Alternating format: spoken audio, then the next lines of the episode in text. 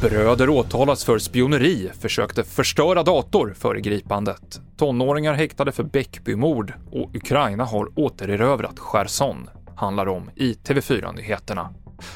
Ja, två bröder har idag åtalats misstänkta för att ha spionerat på Sverige för Rysslands räkning.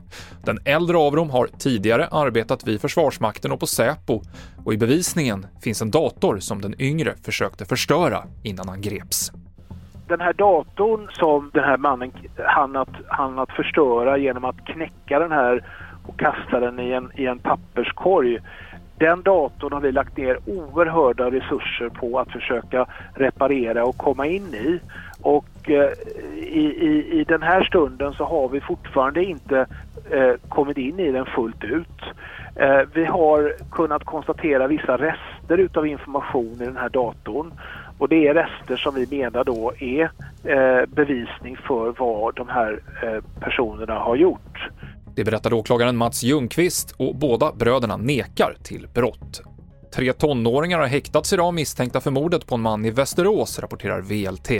En av dem misstänks för mord och de andra två för medhjälp. Det var i tisdags förra veckan som polisen larmades om en skottlossning i stadsdelen Bäckby i Västerås. En man i 20-årsåldern fördes till sjukhus med ambulans, men hans liv gick inte att rädda.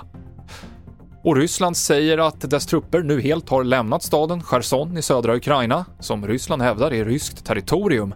Ukrainas försvarsdepartement säger att man har återtagit kontrollen över stan och på bilder på sociala medier kan man se att den ukrainska flaggan hängts upp vid stadshuset. Och det här är en stor framgång för Ukraina, säger överstelöjtnant Joakim Paasikivi här är ju en, en, massiv seger för Ukraina. Och det är ju frukten av, av ungefär två månaders offensiv att man har tvingat fram den här situationen. Eh, regionhuvudstaden i en region som Ryssland hävdar är deras. Dmitrij Peskov, den ryska eh, talesmannen, sa nu att ja, regionens status som Ryssland är oförändrad. Han kan inte säga något annat. Det skulle vara lagstridigt, men det visar hur absurd situationen är.